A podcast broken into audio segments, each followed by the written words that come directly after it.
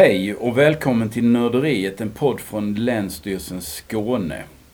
Det här är en hyllning till fackkunskapen, något vi på Länsstyrelsen gillar. Här finns en massa personer som kan oerhört mycket. I Nörderiet får de utrymme att dela med sig av sina kunskaper. Jag heter Mikael Ringman och idag sitter jag här med Johan Wangström som är chef på fiske och restaureringsenheten. Välkommen Johan! Tack så mycket! Du är en auktoritet på fiskefrågor och idag ska vi tala om en av de mest spännande fiskarterna, ålen. Den ser ju fantastisk ut, urtida på något sätt och lever liksom ett eh, spektakulärt och strapatsfyllt liv och dessutom är den krisstämplad och fisket är kontroversiellt och ätandet också, inte minst nu i jultider. Så det här ska bli kul att prata om. Mm. Men eh, om vi nu ändå pratar fiske så kan vi väl också börja med en fiskehistoria. Och då tänker jag på det jag tror är din mest eh, internationellt uppmärksammade insats här på Länsstyrelsen. Ålen i Brantevik var det va? Mm. Ja. Berätta om detta. Det ja. var några år sedan. Fyra, ja. fem? 2014 så ringde man ifrån eh, Sötvattenlaboratoriet och, och berättade att den här ålen som påståtts satts ut i en brunn i Brantevik 1859 nu hade gått hädan. Och ägaren hade vid en kräftskiva då han skulle uppvisa den här ålen för en gäst konstaterat att den var död. De hade försökt att fånga upp den här med en håv men det hade inte lyckats. De fick bara med sig halva och sen ramlade resten ner. Och då ringde de från Sörlab och berättade detta och sa då att vi måste komma ner och fånga upp den här. Och jag erbjöd mig då att göra det. I tron om att det var egentligen bara att åka ner och eh, ja, gå ner i brunnen och plocka upp resten av ålen. Eh, ägaren ringde till mig och sa att ja, du kan komma då på tisdagen där och eh, ja, de ringde från Ystad Allehanda. Kan, kan de få komma och titta? Ja, ja det spelar ingen roll. Så jag, så jag konstruerade en liten en, liten, en planka i två rep som jag hissade ner i brunnen så jag kunde stå ovanför vattnet och inte klampa runt där nere. Och där började jag mekaniskt hova upp alltihop. Och det trodde jag jag skulle få göra i, i, i lugn och ro, kanske tillsammans med den här journalisten från Ystad Allehanda. Men tillsammans med honom så fanns där tv och radio och det var tre stora filmlampor som lyste ner i brunnen när jag höll på. Och alla väntade ju på det här magiska genombrottet när jag skulle plocka upp den här. När jag kom ner i brunnen där så konstaterade jag att det var klart vatten. Det fanns inte mycket till ål. Det fanns lite småbitar jag plockade upp i en hov och sen började jag mekaniskt att långsamt hova upp slammet och transportera upp det i hinkar, hälla ut det på lakan. Sen det sista jag gjorde var att jag dammsög hela den här med en pump för att få med alla andra rester också det ut på lakan. Så du var där i timmar eller? Ja, det tog ett par timmar och allihopa var ju nyfikna. Och så började vi gå igenom det här materialet och vi konstaterade att jag hittade inte det där ålahuvudet. Och då bad jag få titta på den delen man fått upp. För det tittade jag på från början. Det var bara bakdelen på ålen. Så tänkte jag, det inte. Och, och den låg liksom... I frysen låg frysen, den. Ja. Illa ruttet var det. Det luktade ja. riktigt illa. Eh, och då konstaterade jag att det låg faktiskt... Skallen låg tillsammans med det. Och då var det ju trevligt då. Kanske hade sparat några timmar i brunnen om man tittar noggrannare. Men det här ålhuvudet skickades upp till Stockholm och man konstaterade att jo, det var ålhuvudet. Men tyvärr var det så ruttet så att huvudet hade delat på sig. De hörselstenar man ska använda för att eh, åldersanalysera hade singlat ut ur ålhuvudet ner i brunnen. Och trots att jag hade matte med material så hittar man inte det där. Men otoliterna som det kallas, de här hörselstenarna, är oerhört små. Kanske 2-3 mm breda och en halv millimeter tjocka. Och tillsammans med grus och dy i en brunn så de är inte helt enkla att fånga. Så vi lyckades inte hitta de här hörselstenarna. Mm. Men du blev eh, uppmärksammad. Den här insatsen fick liksom spridning, inte bara i Sverige, södra Sverige, utan liksom Nej. all over the place. Ja, det var ju fantastiskt. Men man tänker ju inte så att det här är väl ingen stor sak. Men när jag åkte hem från Simrishamn då så ringde det upp en kille från CBS i USA och frågade Well about that eel? Så, så jag fick liksom dra för honom vad jag hade gjort och så vidare. Jag vet inte om det var något reportage men man ser där vilket genomslag den där Mm. skitsaken fick. Mm. Och då, då är frågan, hur, kan den ha varit så gammal som...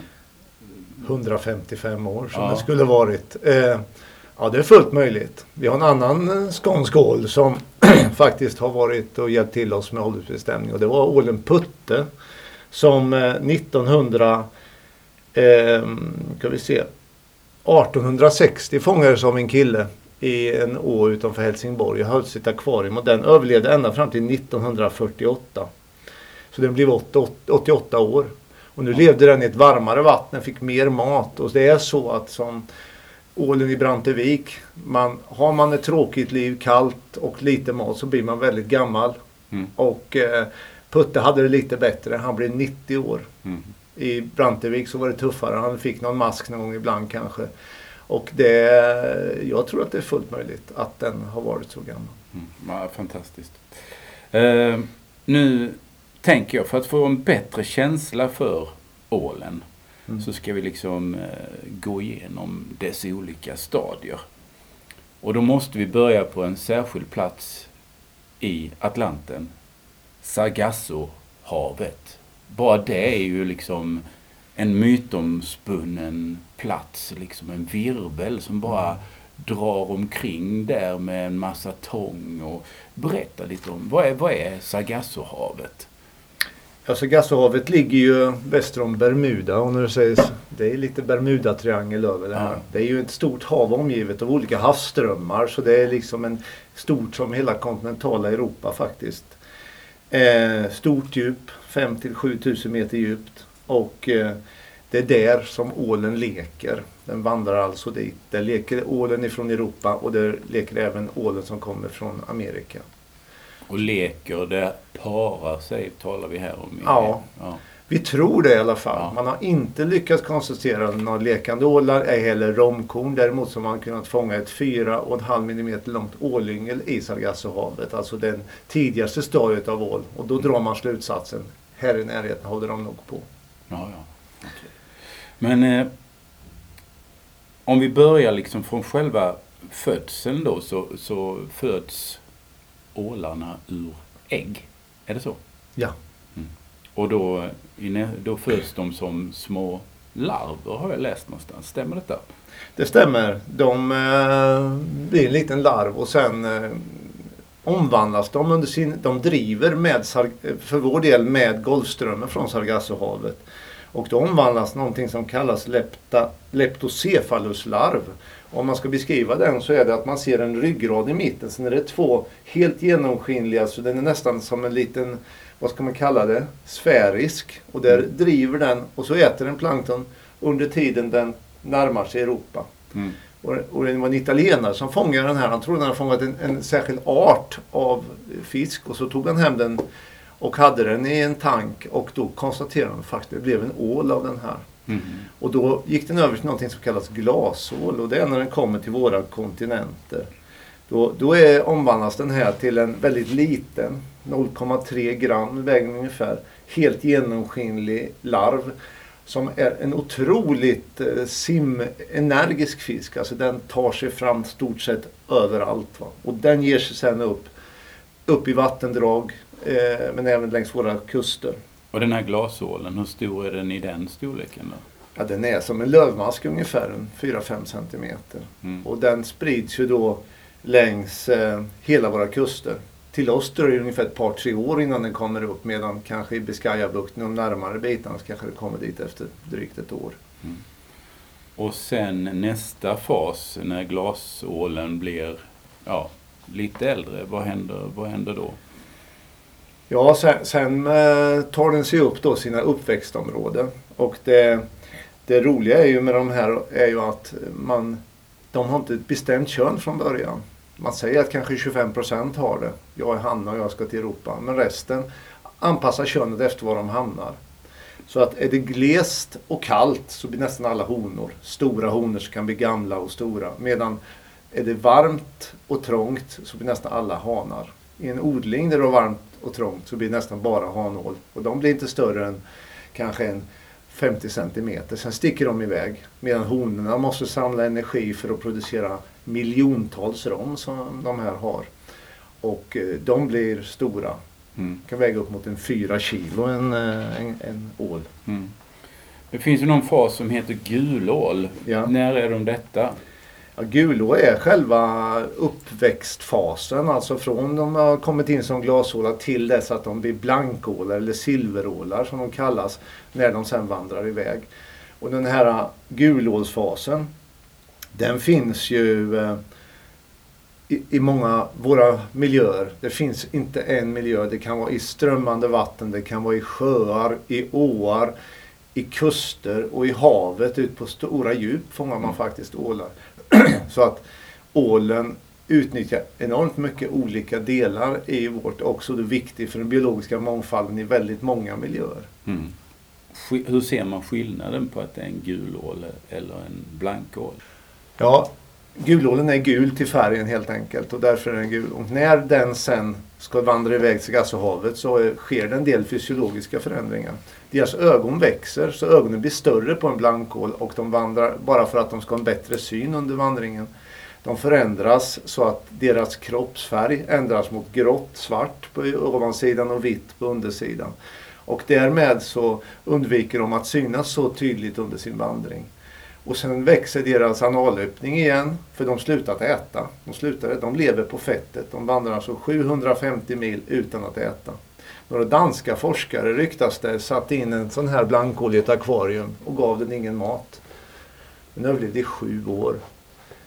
Och man kan tycka att det är rätt så fantastiskt att de ska lyckas vandra 750 mil dessutom, producera rom och mjölke och så genomföra en lek. Men eh, tydligen är det så. Mm. Att det är strategin. Sen vet man inte egentligen vilk, hur de olika ålarna från de olika ställena egentligen lyckas med att vandra skasse och leka. Det är möjligt att vissa ålar inte alls klarar av att leka. På grund av att det är för långt till Sargassohavet helt enkelt. Men det kommer från Sargassohavet och ska sen tillbaka dit. Det är liksom en, en vandring den Ja. gör då. Men den driver hit och den simmar tillbaka. Ja. Och den simmar på djupt vatten antar jag. Ja, eh, man räknar med att den här vandringen tar ett halvår, ett år beroende på var den börjar. Och den kan vandra eh, ungefär två mil per dygn i snitt. Men eh, man mätte upp en ål i Stockholm som bara på två veckor tog sig ner till Öresund så ibland kan det gå lite fortare. Eh, men den simmar ju väldigt, man har ju mätt, man har ju lyckats sätta radiosändare på den här och följa och då har man ju sett hur ålen vandrar. Och den är ju väldigt speciell. Den befinner sig så mellan 100 meters djup ner till en kilometer ner under ytan, simmar den genom Atlanten. På dagen så dyker de ner och på natten så går de upp lite. Man har också sett när den börjar sin vandring att den går upp och kollar i ytan. Den ligger uppe och jag vet inte om den ställer in kompassen eller vad den gör. Men den har sådana här väldigt spektakulära förä- djupförändringar. Och det Mm. går ju alltså, det, om man kan tänka sig, simmar den ute i Atlanten på sådana här djup, gigantiska vattenmängder. Jag tänkte det måste vara totalt fredad. Det har jag levt i den villfarelsen tills man började märka upp ålar och märkte att väster om eh, Engelska öarna, Brittiska öarna, så försvann många. Många, där hittar man märken. Det var troligtvis valar och hajar som ligger där nere på djupt vatten och ser de här fett innehållande fiskarna Ja. komma och simma över. Och så stiger man upp och klipper dem.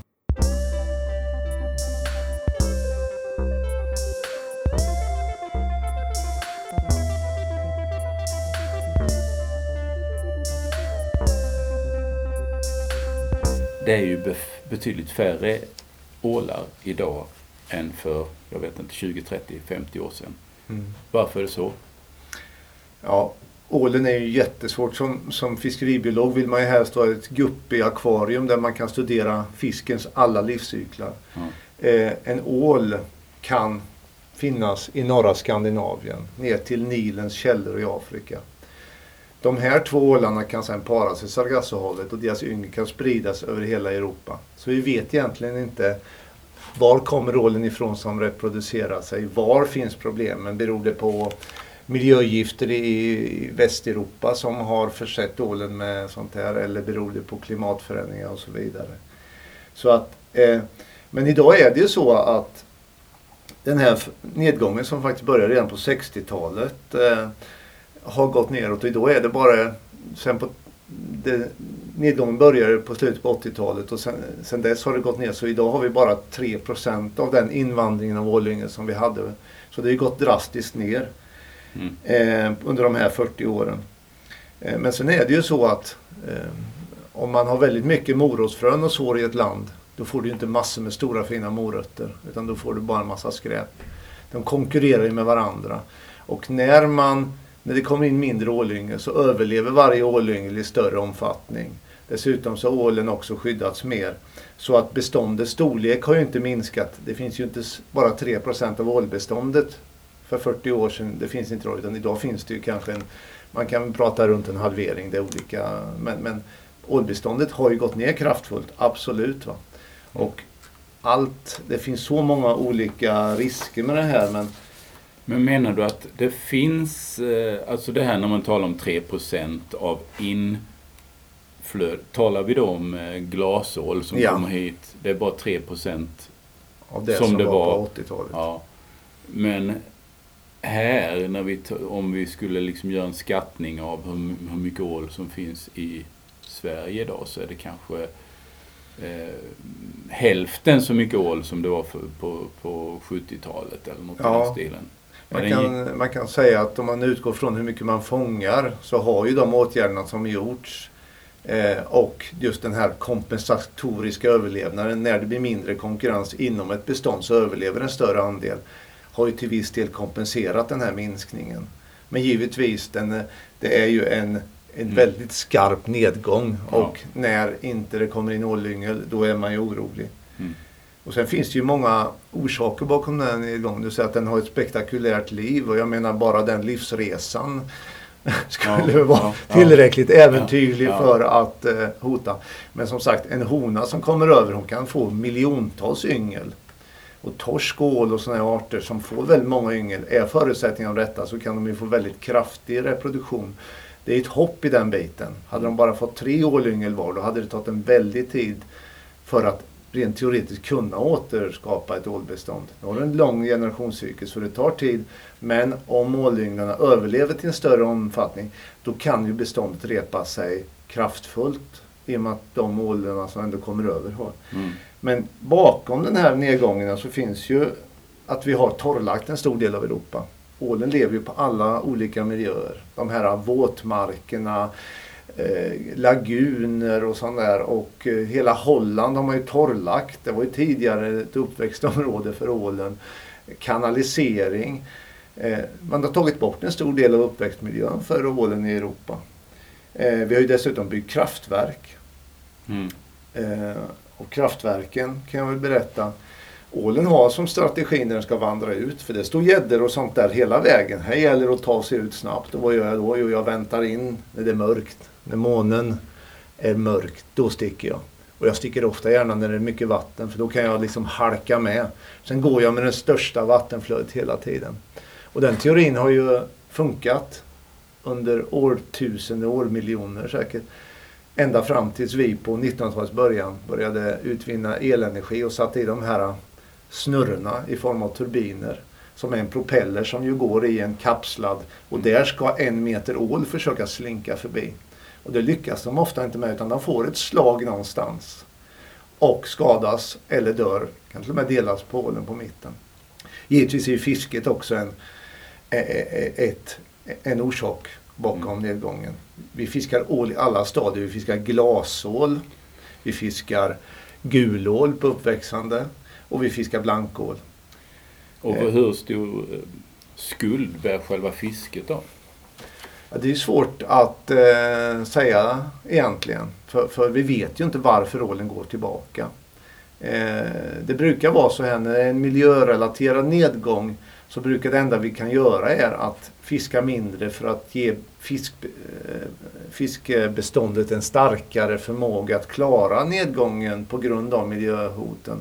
Men det är ju omöjligt egentligen att säga hur stor andel av nedgången beror på fiske, beror på, mm. eh, ja det är inte bara turbiner utan det är också miljögifter och sedan eh, några år tillbaka så har vi någonting, vi pratade om invasiva arter här om eh, Mm. ett tidigare avsnitt av detta. Och, eh, för ålens del har också fått en lite invasiv art och det är någonting som heter simblåsemask. Alltså en liten mask som lever i ålens simblåsa. Mm. Och det kan också påverka, bidra till. Jag tror inte det finns någon enskild orsak bakom nedgången.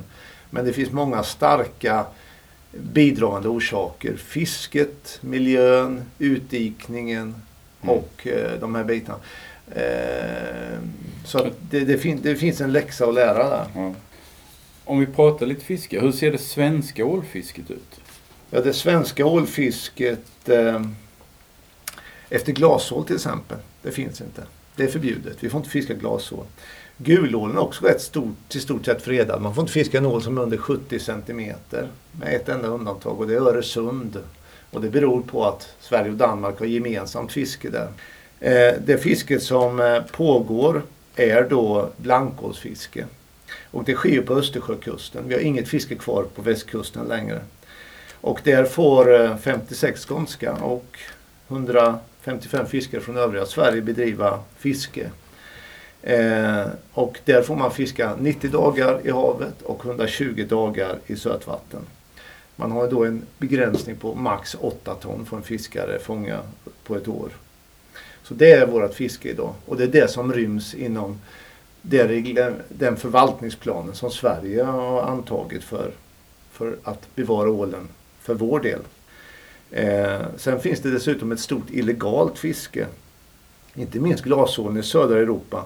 För det är så att än så länge har man inte lyckats mer än på laboratoriestadiet få en ål till att reproduceras i fångenskap. Man har med hormoner lyckats få fram generationer av den japanska ålen men det är oerhört dyrt.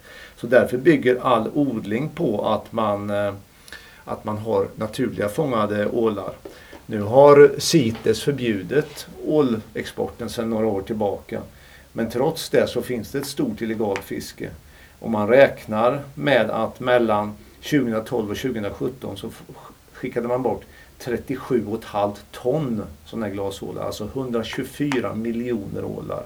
Försvann via resväskor, lastbilar, flygplan från Europa till eh, Asien. Och det är ålar som varav hälften av de som fiskas ska sättas ut för att stärka beståndet. Istället försvann in i en ålodling där de aldrig kommer tillbaka.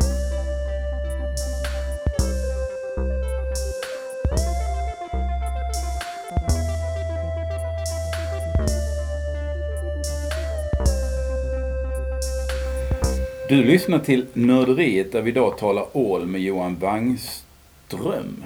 Och det är ju någonting väldigt utpräglat skånskt med ålen. Eh, I alla fall i, i Sverige då. Och det är no, några av Skån, skånskans vackraste och mest färgstarka uttryck är förknippade med ålen som ålahue. Det är ju eh, ålahue, det är ju rätt härliga diftonger i, i det begreppet. Det är ingen komplimang Mikael. Det är ingen komplimang, nej jag kallar inte det för det. Men, men, det, men man förstår vad man menar när man säger ålahue. Och så har vi ålahomma. Det, förklara vad är en ålahomma? Ja, det är ju ett väldigt lokalt uttryck för en jättestor ryscha. En ryscha som kan sträcka sig ett par 300 meter ut från land. Där det är en stort nät som hänger ner och i änden sitter det då en gigantiskt fiskhus eller en strut. Där den här vandrande ålen som jag pratar om, när den söker sig fram längs kusterna för att komma tillbaka till Gasshavet så stöter den på det här längsgående nätet och följer det utåt. Och till slut så hamnar den i den här struten som då vittjas av ålafiskarna. Mm. Och det är ett redskap som kom efter kriget som eh, revolutionerade ålfisket på våra kuster. Dessförinnan så fiskade man med väldigt små redskap. Man rodde ut och det var bomullsgarn, det var väldigt tungt arbete. Det här vart ju plötsligt ett, ett helt annat. Och idag finns det sådana redskap som kan sträcka sig 1200 meter ut genom att tre eller fyra sådana redskap står efter varandra. Mm. Eh, Så det är, det är en utveckling av ålfisket som är väl unik för eh, våra kuster. Får man, får man liksom större fångster på det också? Det låter ju så. Ja, alltså jag tror att det var 57 eller 58 så var det ett ålår av Guds like. Då, då fångade man, det fanns snickrades åla, sumpar överallt. Man fyllde allting med ål. Man fångade så mycket ål så att en vittning motsvarar en årsfångst idag. Mm.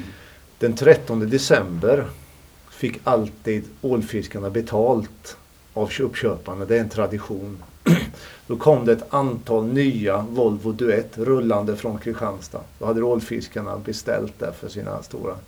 Rullade ner till Åhus där. Så då, och det är ju sådana där fisken som får ålfisket eh, spänning att vara ända fram till dags dagar. Även om ålfångsterna är betydligt mindre så är det de där eh, nästan, eh, vad ska man säga, är, man kan dra största vinsten genom man, varje gång man åker ut och fiskar. Är det sånt här år som det kan smälla till. Mm. Men det kan väl kanske inte smälla till igen? Det kan smälla till faktiskt. För mm. vi har ju pratat om Hanöbuktsproblemen, alltså det här med miljöskadorna i, i Hanöbukten. Mm.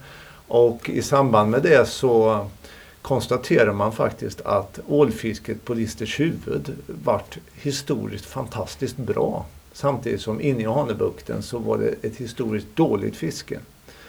Och det, det troliga orsaken var helt enkelt att den här ökade brunifieringen i vattendrag och så vidare fick Helgeåns vatten att, alltså att lukta längre ut i bukten. Så när ålen kom ifrån ostkusten och ifrån baltstaterna och, och stötte emot det här det Helgovattnet. Då börjar man snurra runt, vad ska vi ta vägen nu? Och då hade blekingarna sina ålbottengarn där borta, eller hommor där. Och fick gigantiska fångster. De här fångster som gick tillbaka till den här tiden jag berättar. Mm. Fantastiska fångster. Mm. Men vi fick knappt något i, i, på... Men generellt sett så är ju ålfisket eh, svagt idag. Mm. Ja, hur hotar det den? Ålen är klassad som akut hotad och det är ju snäppet innan utrotningshot i den här eh, hotstatusen. Mm. Vad talar för att utvecklingen går att vända då? Ja, eh, man kan väl säga att vi vet, det är mycket okunskap, vi, mycket, vi saknar mycket kunskap och det är svårt att uttala sig om den biten. Men eh, vi har sett en liten uppgång. De sista fem åren så har mängden ålyngel ökat. Eh, inte alls så att vi pratar om en återhämtning utan det är en litet uppåtgående trend i den negativa kurvan. Vi har ju gjort åtgärder. Alltså i Sverige så har vi minskat ålfisket med upp mot 70 procent. Vi sätter ut miljontals ålyngel varje år och vi har gjort åtgärder i kraftverken. Så i Skåne är det bara egentligen helgon som snart ålen inte kan simma ut ur. Övriga vattendrag i Skåne har den fri lejd ut i havet. Och det är en fantastisk skillnad. Mm. Det här med utsläpp av ålyngel, det vet jag att eh, vi i Skåne har jobbat med. Du har ju själv varit inblandad i en del sådana. Funkar det? Ja, eh, Länsstyrelsen i Skåne håller då i eh, de nationella utsättningarna av ål. Det sätter ut för 5 miljoner varje år. Och då får vi ett par, två, tre miljoner beroende lite på marknaden. Eh, man har undersökt om ålynglen hittar rätt väg genom att man har märkt ålar som man vet är utsatta ifrån utplanteringar och ålar som man vet har vandrat in naturligt. De följer exakt samma väg ut till Sargassohavet och det innebär att de går upp faktiskt över den norska kusten upp norr om Färöarna och så rakt söderut ner mot Sargassohavet. Mm. Eh, så mycket vet man. De överlever, de vandrar rätt. Eh, men sen är det ju mycket av osäkerheten. Kommer de fram och så vidare. Men eh, det vi kan se eh, är att det fungerar. Mm. Och varför gör vi det? Jo, det är ju för att idag så vandrar 90 procent av de här ålynglen som kommer in hamnar i Biscayabukten. 90 procent. En stor del hamnar också i England. Eh, väldigt lite når våra kuster och eh, sjöar. Och det innebär att vi har ett, ett potatisland som det knappt finns någon potatis i. Medan nere i Biscayabukten så är det mer potatis än jord nästan. Och där nere är mycket av miljön förstörd för ålen. Så att mycket av den ålen som kommer ner där skulle aldrig klara av att växa upp och bli stor. Sen är det ju så att här uppe blir alla honor i princip. Vi vet att honor trots allt har en stor betydelse för ett bestånd. Det är de som producerar rommen. Och eh, genom att omplacera de här nere ifrån där de har koncentrerats. Plocka bort så att det blir bara så många kvar som kan växa upp där nere. Och istället utnyttja våra stora uppväxtområden för ålen. Så kan vi stärka beståndet. Och det är jag övertygad om att vi gör. Om vi tittar på själva fisket, det styrs ju av EU. hur ser liksom de här... För det är ju någonstans, om det ska regleras så, så ska det ju regleras där. Mm. Mm. Eh, hur ser de reglerna ut? När man konstaterade att ålen var så hotad så försökte EU-kommissionen föreslå direkt gällande regler i alla länder med en skarp nedskärning. Ministerrådet stoppade det här. Det var politiskt. Vi tror ju att ålen är ju bara skånsk. Men den är inte bara skånsk. Den, alla europeiska länder ser ålen som deras kulturbärare. De slåss ju för sitt ålfiske. Och man lyckas helt enkelt inte få igenom några sådana. Istället så som man brukar göra när man har svårt att komma överens i EU så gör man så här att EU satte upp en målsättning. Att så här mycket ska överleva. Och för sötvattensdelen skulle 40 procent av den ålen som fanns innan människan började påverka ålbestånden simma ut till havet. Det var ett väldigt flummigt mål, det var väldigt svårt att räkna. Och man räknade lite efter i Sverige räknade man fram att ja, men vi släpper 9 av 10 ålar får vandra tillbaka. Då har vi uppnått det. Medan andra länder eh, oftast sydligt belägna länder räknar på ett helt annat sätt och eh, nyttjar möjligheten att dra ner så lite som möjligt på sitt fiske. Danmark har till exempel inte alls den nedskärningen i sitt fiske som Sverige har. Och Danmark är lite sydländska i sin mentalitet när det gäller att följa EU-bestämmelser. Men det är ju då, man ser ju när du berättar här att EU försöker reglera, alltså det här över, överstatliga så försöker man att komma överens och sen så gör alla länder sitt för att minimera detta och hitta, hitta små krypvägar då för, för ålen och framförallt för ålfisket. Då. Eh, alltså, skulle det inte vara enklast och effektivast att bara införa ett totalstopp för ålfiske i hela, hela EU? Eh, ja, man kan väl säga att eh, den gemensamma fiskeripolitiken som vi nu lyder under inom EU, det ställer ju krav på att alla våra fiskbestånd ska uppnå högsta hållbara avkastning till 2020. Alltså det är inget litet krav, alltså vi ska ha den maximala avkastningen. Eh, ålen är ju väldigt långt ifrån detta. Eh, och EU ska givetvis stoppa ålfisket om man ska följa den gemensamma fiskeripolitiken. Nu är det lite turligt för ålen att den klassas lite som en sötvattensfisk och EUs mandat på sötvattensområdet, inlandsvattnen, är inte lika stark som i havet. Och det har gjort att, att det inte är självklart inom EU att förvalta den här. Så det har blivit den här kompromissen, nationella planer som inte efterlevs och en avsaknad av tryck på sanktioner från till exempel Sverige på att Frankrike ska också dra sitt strå till stacken. Det är ålens olycka. Och eh, det finns ju inget annat än ett totalt stopp i EU som är det absolut kraftfullaste och det självklara egentligen. Sen kan man ju fråga sig då, ja, men ska vi inte stoppa allt fiske i Sverige? För den, det är ju en debatterad fråga. Nu har regeringen och eh, även HaV inte gått den vägen. Man har ju haft den möjligheten under en lång tid att stoppa ålfisk om man vill. Och bakom de, de, de besluten ligger lite att man nog funderar på om ett stopp är det bästa för ålen. Det kan man tycka, en död ål är ju en död ål. Men om ålen inte fiskas, du aldrig ser ålen, du hör inte, du förknippar inte någonting med ålen. Vi har redan gjort vårt. Kan vi då fortsätta att driva ålens förvaltning framöver i EU och även nationellt? Kommer vi avsätta miljontals kronor för att stärka bestånden? Eller säger vi att nu har vi gjort vårat, nu låter vi de andra ta hand om det här. Och då är det, inte, då, då är det frågan, mår ålen bäst av att vi inte finns med i det här äh, drivet utan överlåter till fransmän, spanjorer och andra att hantera ålbeståndet? Jag tror inte det. Jag tror att jag tror att vi ska ha kvar det här som man ändå får snart kalla det, det museala fisket som skapar en uppmärksamhet kring ålen. Där ålen, när den fångas, verkligen bibringar samhällsnytta. Det är väldigt mycket kultur, det är väldigt mycket eh, småskaligt kustfiske som, där ålen är en viktig del i fångsten. Och det är ett väldigt högt förädlingsvärde.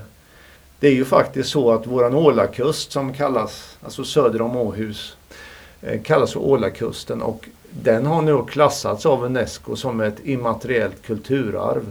Och det är för att man kan visa på här finns det en lång, lång tid tillbaka en tradition bakom det här fisket, den här tekniken, kunskapen och därtill kopplad förädling och även upplevelse i form av ålagillen eh, så det, det uppfyllde Unescos alla krav på ett immateriellt kulturarv. Och den saken har ju vi också att hantera. Vi har ju näringsfrågan för yrkesfisket, vi har ju det kulturmiljöintresset och vi har ju även den biologiska biten.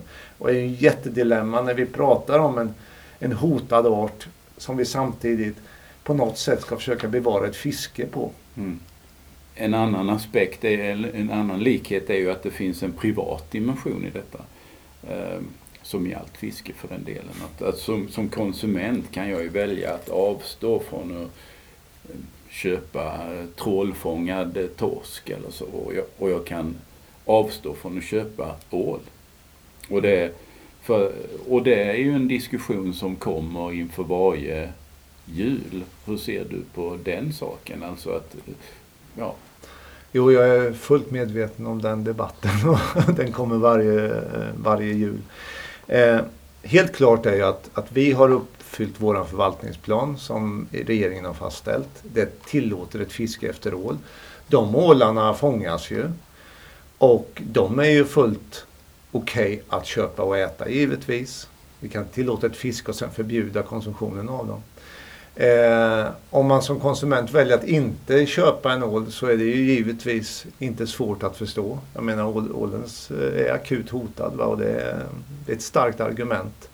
Eh, jag tror ju att eh, ja, det, det, det, är väldigt mycket av en eh, egen samvetsfråga. Eh, men ålarna fiskas upp och de konsumeras av någon. Om man tror att om man avstår från det att ålarna överlever så tror jag inte de gör det i det korta perspektivet utan mer kanske på ett sätt att det blir ett ökat tryck på politikerna att eh, stoppa ålfisket. Och för min del så hoppas jag ju på att vi kan få det här stoppet att ligga på EU-nivå eftersom jag tror ju att ett ensidigt svenskt stopp kommer kanske om man summerar effekten av det istället göra att vi försvinner ut ur åldebatten som är ett land som verkligen vill rädda ålen. Och sen är det bara de som inte uppfyller sina förvaltningsplaner kvar som ska förvalta ålen. Johan, det har varit jättespännande att prata ål med dig. Tack så mycket för det. Och eh, tack till dig som har lyssnat. Vi från Nörderiet återkommer inom kort med ett nytt ämne. Hej hej!